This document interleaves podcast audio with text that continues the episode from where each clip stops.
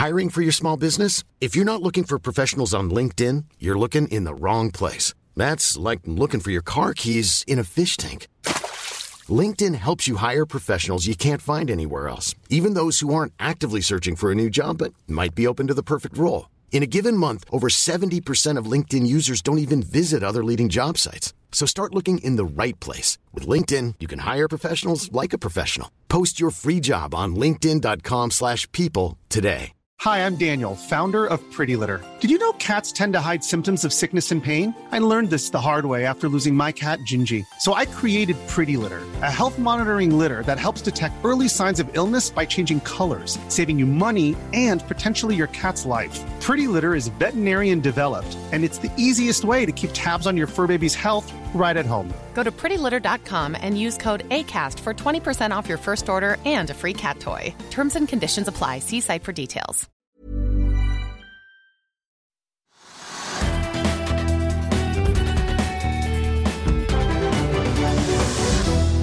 Hei velkommen til Økonominyhetene. I dag har vi med oss Christian Mamrold Dreyer i Eiendom Norge. Det skal selvfølgelig dreie seg om boligprisene i mars. Vi skal også ha teknisk analyse av AF-gruppen, men vi begynner på Oslo Børs. Trygve. Ja, Markedet er litt opp. Det var jo litt opp i går også. og eh, Det er ikke noen sånne store drivere i markedet. Oljeprisen gikk opp i går kveld, sånn 1-2 så det så ut som det skulle bli veldig spennende. Men så har det ligget flatt i hele dag, og da har lettoljen ligget på sånn 62 dollar pluss. Og brentoljen på 69 dollar pluss. Så det er opp. Så det, og det kunne jo ha drevet da Equinor og Aker BP opp, men det har det ikke gjort. Men nesten sett 70, altså. 69,96. Ja, ja, vi var ikke der. vi var ikke der. Men i går kveld så det ut som vi skulle gå over, da.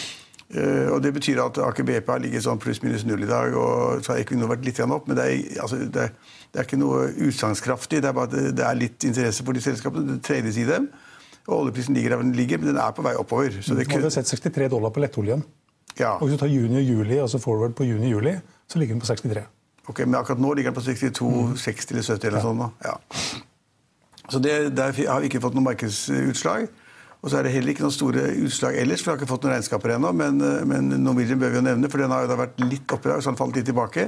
Vi solgte 39,99 i går. Ja, det, var under før. ja. ja. Det er bra. Nå ligger den også på 40 kroner og 50 øre. Mm. Uh, og den, den, er skummel, for uh, man vet jo ikke hva som skjer. Og så kom det en melding i dag om at de har solgt to Boeing-fly, 737. Ikke maks 8-flyene som da de har problemer med, men to andre fly. Hvor de da sier at i løpet av året tredje fjerde kvartal så vil da det, de salg av de to flyene, etter å ha betalt gjeld, så vil de tilføre selskapet da 150 millioner kroner i likviditet eller noe sånt. Jeg, jeg syns jo det er litt sånn krampe at de må sende ut melding om å selge to fly, som jeg trodde de trengte flyene sine, eh, for å vise liksom at de da bedrer likviditetssituasjonen. Det er litt anstrengt. Jeg tror markedet først tenkte at det var ganske fint, og så sendte de aksjene opp 1-2 Og så har de vel tenkt tenkt at det var ikke så fint allikevel, kanskje. og Det er ikke så viktig, kanskje. Eh, så kursen her tenderer, selv om det er liksom pluss-minus null, så tenderer den litt nedover. Som du sier, jeg, det har ikke fått med faktisk at den var nede på 39. Og jeg var jo såpass uh, heldig, eller hva det måtte være, den 12. 12. mars, vil jeg da antyde at vi burde se lavt 40-tallet. Jeg tror du sa 40 kroner, faktisk. ja, okay, den, skal, den, skal, i 40 kroner. Så. Ja, jeg tør ikke si det selv, men, men, men, men iallfall der ligger den nå. Eh, og, og, Det er litt skummelt, men det er, men det er også veldig viktig å følge med. og Bjørn Kjos var også da, I går eller foregår så var han jo da hos Boeing for å forhandle med dem om hva, hva, de skal betale for, hva de skal kompensere for av tap for, eh, for Norwegian. Og De har sikkert samme opplegg med masse andre selskaper. så Det er noe som da Boeing forhandler om hver dag. så men jeg har jo sagt, men Vi vet jo ikke svaret, men jeg har jo sagt at jeg kan ikke tenke meg at Boeing tar alle kostnader som det betyr å leie inn fly eller leie inn mannskaper. Eller alle ekstraomkostningene for da, de selskapene som da har satt flyene på bakken. Altså, Det tviler jeg på, men under har skjedd før. Analytiker Preben Ransk Olsen i Carnegie som var her for noen uker siden, han sa jo det at han har aldri sett disse kompensasjonene i regnskapene. Det har vært snakka om det tidligere, men aldri sett det i regnskapene. Nei, men det, eh, det vi vet, er at uh, Norwegian hadde Eh, hell eller var dyktige i forbindelse med Rolls-Royce-motorene på, på Dreamlinerne. Hvor de, altså ikke, de flyene ble også satt på bakken en periode. Mm. Og Da måtte de skifte motorene. Det var en kjempejobb. Og alt det hevde Bjørn Kjos at betalte Boeing. Mm. Så da fikk de altså dekket inn alt i forbindelse med de ekstrakostnadene de hadde, som var ganske stygge greier, det også. Så det, så, men vi må følge Norwegian. Det er stort selskap, har mange aksjonærer. og det, Folk flyr med det og reiser med det, og folk lurer på om de kommer frem til påske og etter påske. og så det er mye som skjer med det. Men, og børsverdien er 5,66 milliarder. Trekker du fra verdien av 2, banken? 2,16 er banken. Ja. Så da er den nede på 3,5. Ja. Og, og emisjonen var på 3. Ja. Så da det gamle selskapet før emisjonen, da, da hadde ikke mye å gå på. Og Sissener, han, han som da på en måte, jeg tror han har noen stygge betting for tiden, han sier at man nå får selskapet gratis. altså liksom, Hvem vil bare ha det? Kommer til å bli solgt i løpet av året. Helt sikkert. ja, derfor Han skal redde posisjonene sine. det er jeg helt sikker på. Han har noen stygge der, han kan få noen stygge tap der. Ikke så store beløp, kanskje, men han har, han har nok satset litt galt etter det vi ser foreløpig. da. Mm. Ellers så, så vi i går også at Air Canada de har nå tatt Max 8-flyene helt ut av planene sine frem til 1.7. Ja. Så de regner jo da ikke med, altså, de føler ikke at de kan regne med Max 8-flyene i planene sine før 1.7. Nei, og Det høres ut som et fornuftig eh, resonnement og, og, og, begrunnelse. for det at og det samme vil sikkert, altså Jeg vil tippe at de sitter i Norwegian også regner frem da ruteplanen frem til sommeren uten at de er med. Mm. Og Nå slåss sikkert alle selskapene om å leie inn fly fra selskaper som har for mange fly, og hvor man også kan få tak i mannskaper som kan fly flyene fra dag én. Jeg tipper at de også regner med at de ikke kan få brukt de flyene før 1. juli eller senere. Mm. De må det regne med. De må lage planer for det. Ja. Ja, så det, det var Norwegian vi snakket om. Så, det, det, så På toppen av vinnerlisten eh, så ligger da sånne storgasselskaper, både RNG og LPG-skip. De er steget 5-6 Jeg er ikke helt sikker på hvorfor. Altså. Nei, Ved LPG der eh, har Nordea kommet med en oppgradering av aksjen til kjøp. Og de mener at aksjen skal gi 42 kroner. Ja, så, så det, er, det er, Men det er ikke store oppganger. Det er en oppgang på 5-6% men det er opp på begge storgasssegmentene. Ja, men hvis, hvis den skal gi 42 kroner, da, så er det jo 33 Han er 32 nå. Ja, jeg, men jeg syns disse storgassgreiene er litt skumle. Mm. Det ene året så liksom får de 2000, altså 2000 dollar dagen, neste dag så får de 200 000 dollar dagen. Det er, det er skummelt. Men vi må nevne det som, det som vi er ganske gode på, eller har vært gode på så langt i hvert fall, det er oppdrettsaksjene. De er da ned. Mm, alle sammen nesten. Alle sammen, sånn 1-2-3 nesten. Lerøy har vel vært ned 3% eller sånn nå. Det er to som er opp, og Austevoll er vel ikke en ren oppdrettsaksje. Den er opp 2 og Norwegian Royal, Norway Royal Salmon opp 0,2, men resten er ned. Ja, og, og Movi har vært ned, og Lerøy har vært ned, og SalMar har vært ned. Så, det har vært ned. så og der er det at prisene er litt svakere faktisk enn de var i forrige uke. Men hvis man ser på prisene sammenlignet med på samme tid i fjor, så er de faktisk opp. Så jeg ville ikke vært veldig bekymret, men uh, luften ser ut til å gå litt ut av oppdrettsaksjene. Ja, og jeg sa faktisk feil, for det, de to som jeg sa var opp, det er de siste fem dagene. Ja, ok. Men ellers, i dag så er uh, Austevoll flat. Det samme er Salmonis Kamachaka, mens resten er ned. Ja. Mm. Yara kan vi ta med. De legger frem eh, tall på fredag. DNB opprettholder kjøpsanbefalingen sin med kursmål på 480 kroner. Og nå står den i? Den står i 365. Ja, Det er ganske mange som er positive til Yara. Peter mhm. Hermanrud, som vi regner blant de beste, og som også plasserer sine egne penger i markedet, han er også veldig positiv til Yara, da, som et av de få selskapene han egentlig hadde noe tiltro til. Han er også positiv til snille aksjer, og to av dem er på all time high-lista vår i dag. Snille aksjer? ja, De snille og grønne aksjene. ja, Det pleier å være sparebanker og sånn? det. Ja, det er, eh, ja, det er Tomra. Ja, det er Tomra. Den er en sånn snill og grønn aksje? Ja, så er det en halv, halvveis grønn aksje, og så er det et industriselskap, og så tjener de penger. Mm. Så gjør de riktige tingene. Det, I ti år så gjorde de ikke de riktige tingene, og så plutselig så fant de på noe lurt. Og så gjorde de bare de riktige tingene. Ja, mm. plutselig. Scatec Solar også en sånn snill og grønn aksje. Den er solgt på all time high. Jeg sto i en sånn Tomra boks uh, på CC Vest. Gjorde du det? jeg skulle levere masse flasker, jeg hadde ladet opp i svære poser og greier. Og så sender du inn, og så er feil. Tar ikke imot eller sånn. Så må du, ta, må du, begynne på nytt, og så kommer det tre flasker. må du begynne på nytt igjen, Holdt det på. Og så er det to bokser ved siden av hverandre, to apparat ved siden av hverandre. Da sto en dame og jeg, vi skjønte ingenting, og flaskene kom ut igjen, og inn og og ingenting skjedde. Og så, det var tidlig på formiddagen, så man skulle tro at det da var rensket i systemene. Men jeg tipper at det sto en mann bak der, og jeg, jeg, så ble jeg så irritert at jeg ga alle flaskene mine til mannen ved siden av meg. Han skjønte ikke noe. Men ikke egentlig, kan ikke jeg gi mine flasker til deg, Egnar? sa han. Nei, dette gidder jeg ikke, sa jeg. Det får, du får er mine poser. Så de, historien forteller at de fungerer ikke alltid, da. De, de reklamerer med at det er supereffektivt system å ta imot alle typer flasker og bokser og alt mulig.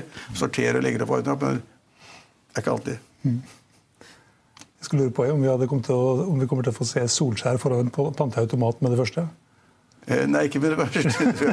Han tjener nok. Nå er det antatt at han tjener 240 millioner kroner eller sånt på, I løpet av tre år? I løpet av tre år. Mm. Og, og, litt av det går tilbake til Kristiansund, eller? Ja, nå har Finansavisen en interessant historie i dag, som skatterettslig eh, basert artikkel. Da. han, hvis han tjener 240 millioner, det tror jeg, for det har stått i seriøse aviser, og mm. man snakker om han skal tjene 80 eller 85 millioner kroner i året, eller sånn, men la oss si 240 millioner kroner, og da må han betale skatt. Det er jo personinntekt. Fotballspillere eller, eller lagledelse eller trenere er jo vanlig person, personinntekt, både i England og i Norge. Og, og Kristiansund vil jo da få rundt 100 millioner kroner hvis han da fortsetter å skatte til Norge, mm. som han har gjort de siste årene. Han er jo trener i Molde og bor i Kristiansund. Og Der er det ikke helt klare regler, faktisk. Så det kan tenkes at eh, skatteavtaler mellom England og Norge gjør at England beskatter han, og Norge beskatter han. Det ville vært dobbeltbeskatning, så det går jo ikke. Nei. Det må være skatteavtaler som, det er skatteavtaler som regulerer det. og Det betyr at hvis du betaler skatt i to land, da, så kan du trekke fra det ene landet, slik at det liksom bare blir ett land du betaler skatt i. Men det er ikke sikkert om det blir Kristiansund eller om det blir England. og Det er ganske spennende. Mm. Det er tross alt 100 millioner kroner for Kristiansund hvis de får da hans selvangivelse i de kommende tre årene. Mm. Og så er det masse rare regler om at hvis han da velger altså, hvis, du, hvis du eller du skulle bestemme dere for å flytte ut fra Norge eh, av en eller annen grunn, bosette i London eller i Paris eller på Lanzarote eller hva som helst, så må du faktisk skatte ut Norge tre år etter at du flytter ut for å unngå at folk flytter hit og dit ettersom de har høye inntekter. Flytter til Malta eller eh, andre skatteparadiser. eller sånt, Så du må skatte i Norge i tre år. Og, og, så er det en prosedyre at du kan søke om da å slippe da, og den prosessen. men Da må du ikke ha en bolig i Norge, og så må du ikke da ha en, en ekstrabolig hvor du bor mer enn 61 dager i året. altså Jæklig strenge regler. Så, så Ole Gunnar Solskjær han får, han får en ganske tøff prosess på skatten i fremover. Altså, han, han taper jo ikke penger, han tjener masse penger. Men hvor skatten går, er ikke klart. Jeg tror for øvrig det, det er ikke dobbeltsjekka, men jeg tror faktisk det er noen land der du kan flytte, og så er det, er det ute av Norge med en gang. Nei, det tror jeg ikke noe på. Østerrike, tror jeg. Nei, det tror jeg ikke noe på. Nei, tror, Det er en hovedregel som går for å nettopp unngå den, den type kortsiktige ting. da, så er det hovedregel at du må i prinsippet da skatte tre år etter at du flytter ut. og Da får du en periode hvor du da på en måte avvikler boligområder, og du kan ikke ha bolig i Norge osv. Det er komplisert, men eh, det der ble en kjempemorsom skattegåte for da Solskjær. Og uansett så blir han vel den idrettsutøveren i Norge som har tjent mest? Ja, i hvert fall, i hvert fall per år. Eller, ja, det, 240 millioner skal vi Over tre år. Det er ingen som kommer til å matche det, sannsynligvis. Neida. Men uh, det er idrettsutøvere som Bjørn Dæhlie som har tjent penger over tid. På at han har vært flink til å investere, ja. mm. investering etter at han er ferdig. Men som lønn, det tror jeg ingen kommer til å matche noen gang. Vi får se om han blir der i tre år, da. ja. ja, hvis de begynner å tape Nå tapte de i går. Ja. Taper, han har begynt å tape litt. Han har vel spilt 10-12 kamper før han har vunnet, og så har han tapt 2-3, og så har han en uavgjort eller sånn nå. Og Hvis han plutselig skulle tape, det er godt poeng, hvis han taper altså fem kamper på rad, så kan det tenke seg at det står nederst med bitte, bitte, bitte liten sånn skrift i kontrakten hans at hvis de taper fem kamper på rad, så er det på huet ut. Kanskje. Avhengig av hvor gode advokater han har, hvor gode forhandlere han har hatt. da. Jeg håper han har hatt gode forhandlere. Han er veldig god venn med Gjelsten eh, og Røkke. Og de flyr hit og dit av og til, og de rådgiver han sikkert også. Så jeg tipper at han har brukt topp rådgivere i den saken der. Men jeg har jo inntrykk av at folk blir kasta på huet. Han der stakkars uh, Rekdal ble kastet fra start før han fikk ledet én kamp omtrent. Og ja, ja, ja altså, Som fotballtrener så lever du farlig. De får stort sett ganske fine sluttpakker, da. Ja, Det får vi håpe for Rekdal. han, han har jo hatt en god jobb inntil nå, men etter søndag har han ikke det. Det er ikke sikkert Start har råd til å betale så store sluttpakker. Nei, det tror ikke jeg har heller. Mm. Så Derfor satt de ni timer i forhandlinger for å krangle om da 300 000 eller 200 000 eller 160 000 eller noe sånt, tenker jeg. Men du lever, du lever farlig, og i England så er det jo trenere sparkes jo annenhver uke. Mm. Altså Det er mange lag i ligaene, og det er flere nivåer på ligaene. Og de sparkes hele tiden. Hvis du ikke leverer fire, fem, seks kamper, eller sånn, så sparkes du. Ja, klar, vi har vel ikke fått vite hva Mourinho, forløperen til Nei. Solskjær, fikk, men han tror jeg fikk ganske mye. Men han tjente, han tjente, jo, ikke 80 millioner, han tjente jo ikke 80 millioner år, han tjente 150 millioner år. Ja. Han tjente dobbelt av Solskjær. Ja. Så da han ble sparka, så han sikkert krevd ganske mye. da. Mm. Noen hundre millioner. Signerte han en femårskontrakt et uh, halvt år før han fikk sparken nå, tror jeg. Så uh, jeg tror ikke det gjorde det noe billigere. Nei, og, og, og den mest mislykkede alle sammen. Vi har jo mange suksesser i norsk fotball, men altså Jon Arne Riise. ja. Han har jo reist til Malta eller sånt, og har vært fotballtrener i tre måneder. Nå er, nå er, han ferdig der. Nå skal han bosette seg i Drammen. Har han noe lag i Drammen, da? Ja. Fjerdedivisjon eller sånn òg. Ja. ja, det må være Strømsgods og Mjøndalen i så fall. Ja. nei, nei, nei Strømsgods det er jo topplag. Ja. Han, Der er Flo som er sjef. ja, Han skulle flytte tilbake fra Malta etter tre måneder. da. Og jeg tror han signerte en seksmånederskontrakt, og så holdt han vel i seks uker. ja, og, og, og kjøpte seg bolig i Drammen. Ja. Så kan han bygge seg opp fra Drammen igjen. Og, eh, altså, han syntes jeg nesten synd på. Han var en toppspiller. av meg i Liverpool. Han, han har rota bort alle pengene. En agent hans tok mesteparten, og resten har rota bort. Du følger med på fotballovet. Snart, snart skal vi snakke boligpriser. Jeg syns egentlig fotball er enda morsommere vi prater om. ja. Vi skal ta en titt på vinner- og taperlista. Etterpå skal vi snakke boligpriser. Vi tar med oss eh, oljeprisen, som er ned 0,3 til 69 dollar 57 cent. Omsetningen på Oslo Børs har passert 2,7 milliarder kroner.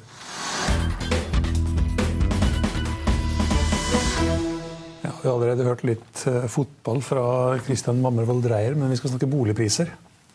Og mars ble ganske bra, det nå? Ja. Eh, føyer seg vel inn i rekken av eh, måneder med en trend med moderat vekst og veldig høy aktivitet. Så, så, det har vært bra med salg. Det som er spesielt med mars nå, er at det har vært en rekord i antall nye boliger lagt ut i markedet. Så over 10 000 boliger i mars, det har vi ikke hatt før. Ut i, nyheter ut i markedet. Og det er jo rekord også for første kvartal. Så det er 30% mer enn i fjor? Eh, ja, i mars måned, men i påsken i fjor landet jo delvis i mars. Så, mm. så det, har, det, er en viss påskeeffekt, men, eh, men, det er mye likevel. Eh, det er mye. Det er rekord, så, så det, er, det, er, mye. Og det er Hva det betyr for våren, det, det, vil tiden vise, men det er i hvert fall mange boliger å velge der ute. Til tross for det så, så er det jo en vekst i prisene. og ikke bare litt sånn du drar på det. Det var en sterk vekst i prisene. 0,3 sesonger. Nei, nei, nei, nei ja, men i Oslo var det 1,4. Hiring for your small business? If you're not looking for professionals on LinkedIn, you're looking in the wrong place. That's like looking for your car keys in a fish tank. LinkedIn helps you hire professionals you can't find anywhere else, even those who aren't actively searching for a new job but might be open to the perfect role. In a given month, over 70% of LinkedIn users don't even visit other leading job sites. So start looking in the right place. With LinkedIn, you can hire professionals like a professional. Post your free job on linkedin.com slash people today. I'll see you in court. Vi sier det ofte litt på spøk, men for deg som driver business, er det aldri moro å innse at du ikke har laget en 100% gyldig kontrakt. Du bør ikke risikere hele firmaet ditt fordi du synes dette med kontrakter er litt stress. En avtale er ikke en avtale. Du kan miste kunder, miste venner, ja, til og med miste inntekter om du ikke lager en skikkelig kontrakt, på alt mulig, egentlig. Men vi vet det er et styr. Kopimaskiner, tregprinter og haugevis av papir. Dessuten stoler vi jo på folk her i landet. Det er ofte litt kleint å skulle be om en signatur for alt mulig, ja, for mye av styret handler også om jakten på underskriften. Det finnes en enkel måte å løse dette på, Dukkobit, en trygg, effektiv og get this, gratis måte å sikre seg en god natts søvn pluss en juridisk bindende avtale. Dukkobit-appen har de strengeste sikkerhetskrav i bunn, samt en EU-godkjent og sertifisert teknologi. Framover vil det bli behagelig å spørre du, skal vi skrive under på det, eller? Kom i gang på dukkobit.no. Sånn? Ja, nominelt, ja. Det er riktig. Og, og Kristiansand, Hva er det som skjer i Kristiansand og Stavanger? Det var liksom 2,8 og 2,4. Nei, men akkurat når det gjelder Kristiansand og Stavanger, så hadde minus i februar. Så, så jo, jo, men nå var det opp i Oslo 1,4 og Det var det kanskje ikke alle som hadde regnet med? Nei. Vi har en nominell vekst i Oslo på 4% hittil i år. Ja, det eh, og, og, det er eh, det, det, er ganske bra. Det er ganske bra. Og stort sett så har vi tatt ut det som er av vekst i Oslo de første fire-fem månedene. Ja. Eh, så at det lander et sted mellom 4 og 7% ved årets slutt, er ganske sannsynlig. Du tror det blir liksom flatt resten av året? Eh, ja, du, jeg tror at ved årets slutt så ligger det ca. på det nivået det ligger på i dag. Ja, men, men, men det er jeg lurer på. Så tallene komme. Jeg synes at det var at i overkant hva jeg hadde regnet med. Da, de 1,4. Mm.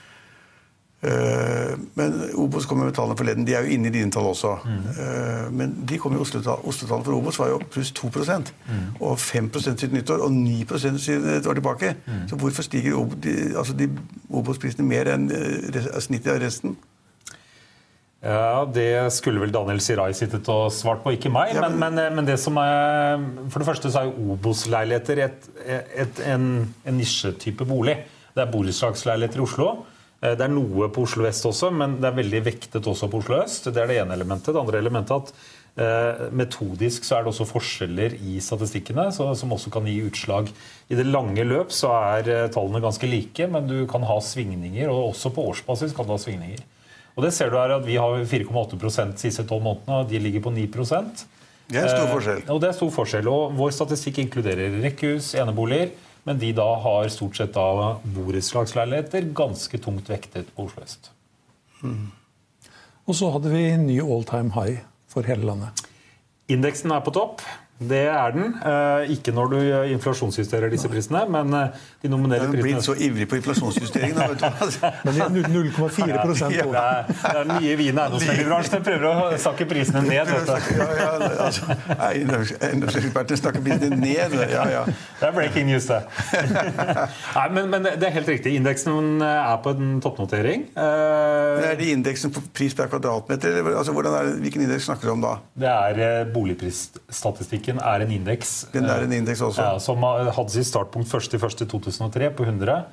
eh, Og nå er den da på toppnotering, eh, den indeksen. Så har prisene aldri vært høyere? Nei. Nei, halleluja. Det er jo, så det er ikke noe å klage for i Norge, da. Nei? Er det noen som klager over boligmarkedet om dagen? Ja, ja, men alle, alle, alle, ja, ja, men alle som deg, ekspertene, de sier jo liksom at det er, det er ikke så mye økning. og Prisen er såpass passe, og nå er balanse mellom tilbud og etterspørsel. er- Nå er det kjempefint. Men det er faktisk et sig utover det man nesten kunne forvente. Det er, når det er 8. mai, så er det bra. Men det er vel også all time high på kjøpekraften hos norske husholdninger. Eh, og med de, eh, den lønnsjusteringen som kom nå, eller lønnsoppgjøret med 3,5, var det det? som var- 3,2.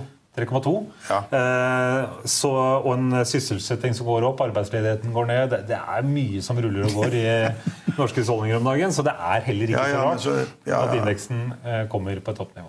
Nei, da, men prisen stiger jo med 2,4-2,5 også. Mm. Så det blir ikke mer enn underkant av 1% reallønnsvekst. da. Nei, det er riktig. Men det er jo litt interessant at du ser at vi har Norge på all time high, eller indeksen da, på all time high. Eh, og så er det bare åtte byer og byområder som er i all time high. De 15-16 andre de har fremdeles litt opp til all time high. Ja, jeg skal gi deg kreds for å virkelig dypdykke i tallene våre. Det, og det er riktig. Et, eh, sånn som Oslo f.eks. har ganske lang vei å gå fremdeles. 3% Ja, 3 Eh, Og jeg, my guess er at vi ikke får det i 2019. Men var det noe rart da når det steg 23% i forfjor? Ja, nei, Det var jo, eh, det var jo helt Da tar jo de ti før du når tilbake hvis passerer det, da. Ja, og så, og så gikk vi ned eh, 10,5 ca. Ja, i 2017. Så skal du ta tilbake de Helt riktig. Så, ja, det er helt riktig. Og sånn som For Bergens del så har vi jo 13% vekst på fem år, så der har det jo vært moderate priser lenge. Eh, Så, så dette med at prisene har gått skutt i været, ja, det er riktig i Oslo og, og også til dels Akershus, men um, store deler av landet så har det vært moderat. Tromsø, da? Tromsø, Der går jo hotell Alt som har hotell, beleggene er fulle. og Tromsø prisene går time opp high. på, også, Bodø på, all time high. også på boligene. Ja, ja. Ja, så Tromme, Prisnivået i Tromsø og Bodø er jo eh, høyere enn det er i byer som Stavanger og Bergen. Og Ja, Trondheim Bodø. Bodø skjønner jeg ikke, men, men Tromsø skjønner jeg, for der skal jo alt skje. Mm. Det bygges hotell i dag masse, og folk skal bo der og jobbe der. og Men Tromsø, boligmarkedet i Tromsø har jo en tendens til å gå sånn boom bust. Eh, Vi så inn mot 2007, så var det et ekstremt marked. Så var det jo nesten ørkentørt i- fra 2008 fram til 2011-2012. Og så kom eh, oppturen igjen. Og siden så har den egentlig vært der.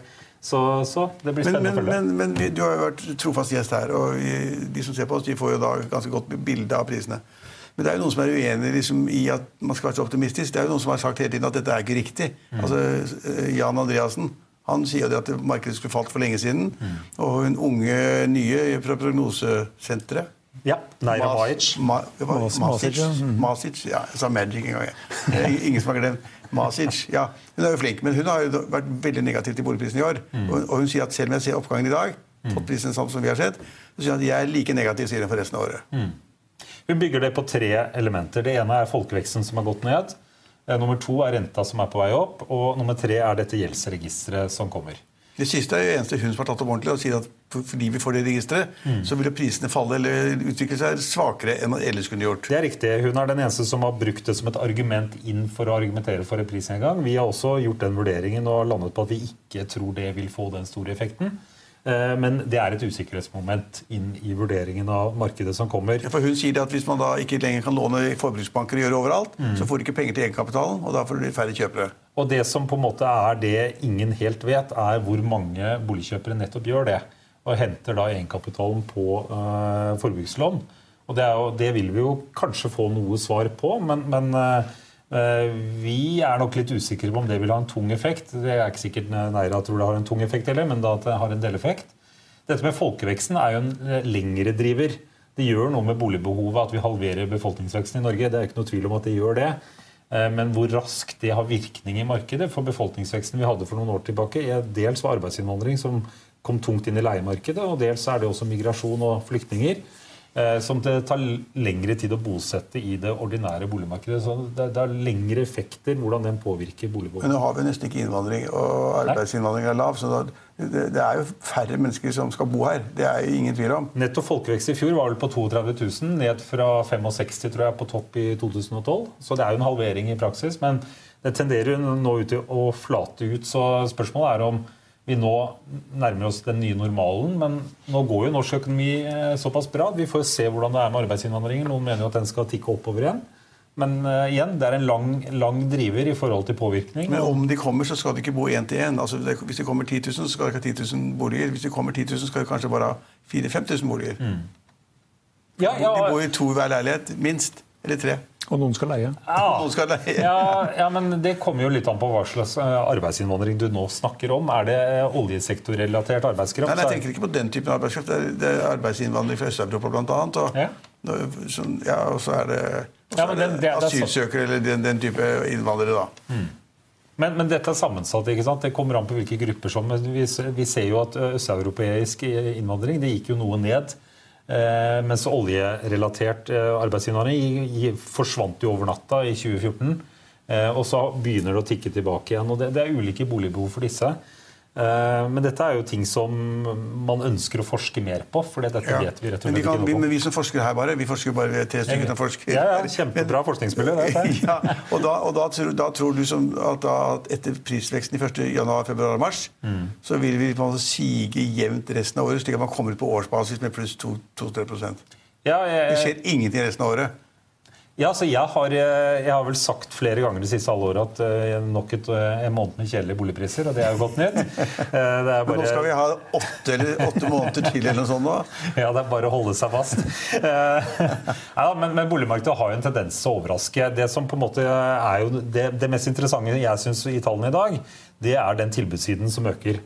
Det at vi får over 10 000 nye boliger ut i markedet i mars, er uvanlig. Eh, og hvis det, det, kommer i tillegg til den veksten som forventes inn i april og mai, så, så blir det mange boliger til markedet. Og hva gjør det med balansen, som vi er litt opptatt av? Ja, Neira sier jo da det at hun mener at tilbudssiden blir for stor. Ja. Hun klarer ikke å ta unna i markedet, selv om da det er mange kjøpere der. Ja, det, ja, det ble lagt ut 30% flere, og så ble det solgt 18% flere. Ja, og det er... 10% flere hittil i år, så det er jo bra fart i markedet. da. Du, Det er uh, veldig godt uh, oppmøte generelt på visninger òg. Og, uh, og, det er folk som er klar til å kjøpe. Det er folk som har lyst til å kjøpe bolig. Så optimismen der ute både hos selgere og kjøpere er jo stor. Men det er klart at for boligselgerne så er det mange konkurrenter. og Det er derfor prisene holdes nede, til tross for at etterspørselen er stor. Mm. Og så er det kanskje mange som har fått med seg at toppen på, bolig, på boligrenta blir 3,75 ja, det er, er det hogget i sten? ja, ja, ja, det er jo delvis riktig. Det er, ja, ingenting hogget i sten, men Norges Bank har jo sagt det. Mm. At det skal ende på topp, topput på 3,75 i 2022. Mm. 2022. Ja, det er så lenge at det kan jeg ikke tenke på engang. Men, men, men, men det var basert på noen årlige to-tre renteøkninger hvert år. Men de er det ingen som tror på lenger. Det eneste som er helt sikkert med rentebånd til Norges Bank, er at den kommer til å bli endret. Ja, Men om at det ender på et høyere enn 3,75, det, det, er et godt spørsmål. Det tror ikke jeg. Det ser ikke sånn ut nå. Nå begynner man å snakke om hvilken, eh, hvilken sentralbank i verden er den første som setter ned renta. Mm. Det er det man diskuterer nå. Mm. Ja, nå er norsk økonomi sterkere enn de fleste andre lands økonomi. da, Iallfall i hele Europa. Og delvis kanskje i USA også. Mm. Så det kan tenkes at Norge kan fortsette å stige mens noen setter ned. Kan tenkes. Men at renten skulle bli dramatisk høyere det, det, Og dessuten, hvis den blir 3,75 i 2022 så får man fremdeles fradrag for den på ligningen. Så staten betaler en del av rentene fortsatt. da. Ja, altså, jo... Inflasjonen tar sitt. Staten tar skattedelen, og så tar inflasjonen litt. og så da blir kanskje realrenten kanskje halvannen prosent eller noe sånt. Mm. Nei, vi hadde jo Jacques Minian fra IMF som gjest på konferansen vår i forrige uke. Eh, og det er interessant IMF, som egentlig har vært ganske kritisk til at boligpriser i Norge er dyrere enn det burde være. Det er jo et godt spørsmål i seg selv. Hva burde det være? Men eh, deres vurdering er jo at eh, boliger i Norge er ikke så overpriset som det var. Og de er langt mindre bekymret for norske boligpriser i dag enn tidligere. Eh, og de har jo egentlig vært bekymret i alle år, så vidt jeg kan huske. Eh, og har rettet fokuset mer på næringseiendom. Det er jo for så vidt ikke bare et norsk fenomen. Er... Kanskje de også forstår litt mer av det norske boligmarkedet enn de gjorde før? Kanskje det. Mm. Kanskje, det. Kanskje de skjønner at vi har rentefradrag, kanskje de skjønner at vi har mm. verdens høyeste lønninger. og selv om vi da har høy gjeld, så har ingen har flere biler, ingen har flere hytter, ingen har flere hus. Vi har bedre økonomi enn mange tror. Ja. Ja, Til oljefondet går stadig i ny all time high. 9000 milliarder Ja. i går. Er det mer i dag? Nå sitter vi ytterst på grenen og, og klapper hverandre på skulderen på hvor rå vi er. Så det får håper ikke noen skjærer nå. Da. Så Men, men dette gjeldsregisteret, skulle ikke det vært på plass nå? 1. juli tror jeg det skal være på juli, plass. Mm. Men Er det privat som skal drifte, eller Forbrukerrådet? Eller er det, Eh, Det, ene, det er to gjeldsregister som kommer. Det ene det er jo da Finans Norge som skal drifte. og jeg mener et lite forbehold om det, men jeg mener at det er Evry som har, skal drifte det andre.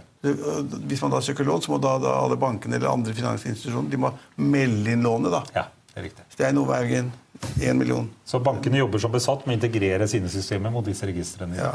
Og da, Hvis man da søker lån i dag, så går alle informasjonen da, data på PC-en til saksbehandleren med en gang. Så med ett blikk så ser han at han der har eh, for mye lån. Eh, hvis vi tar en liten titt på den her bare helt til slutt. Eh, den plansjen her som da viser hvordan det har gått i noen byer hittil i år Over de siste tolv måneder. 4,2% Kristiansand, og så har vi da ja, Oslo 4,8, Stavanger 2,5, Bergen 2,9. Det er ganske moderat. Er det her fasit på slutten av året?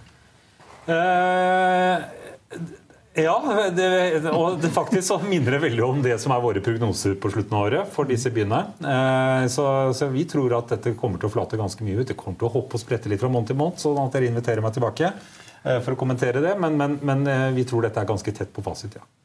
Hvordan går det nå med disse eiendomsbyggselskapene, altså som Selvåg Bygg og Solon Eiendom og sånn? Hvordan går det med dem? På børsen til Krø, eller? Godt Ja, spørsmål. det, er, det er også et symptom på hvordan det går i boligmarkedet, hvis de selger som hakka møkk. Vi kan se på eh, selve bolig i hvert fall.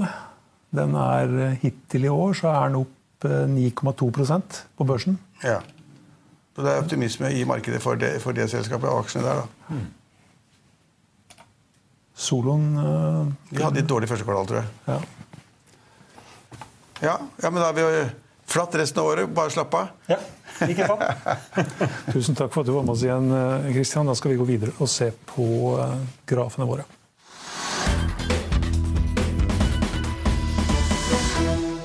I Finansavisen i morgen så kan du lese Trygve Hegners leder om den spionsiktede nordmannen Frode Berg, at Delfi-forvalter Espen Furnes anbefaler kjøp av en oljeaksje, en oljeserviceaksje og en eh, riggaksje, og at Frydenbø Eiendom i Bergen investerer tungt.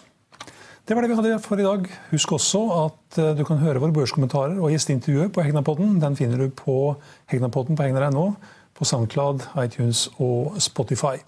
I morgen har vi med oss Per Ole Heggedal i Skattebetalerforeningen, og skatteseddelen, eller skattemeldingen, kommer jo i morgen. Så da blir det aktuelt eh, da. Følg med oss igjen.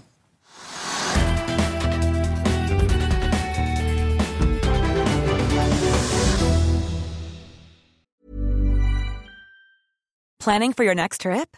Elevate your travel style with Quince. Quince has all the jet setting essentials you'll want for your next getaway, like European linen, premium luggage options, buttery soft Italian leather bags, and so much more. And is all priced at 50 to 80% less than similar brands. Plus, Quince only works with factories that use safe and ethical manufacturing practices. Pack your bags with high-quality essentials you'll be wearing for vacations to come with Quince. Go to quince.com slash pack for free shipping and 365-day returns. Økonominyhetene er en podkast fra Finansavisen. Programledere er Marius Lorentzen, Stein Ove Haugen og Benedikte Storm Bamvik. Produsenter er Lars Brenden Skram og Bashar Johar. Og ansvarlig redaktør er Trygve Hegnar.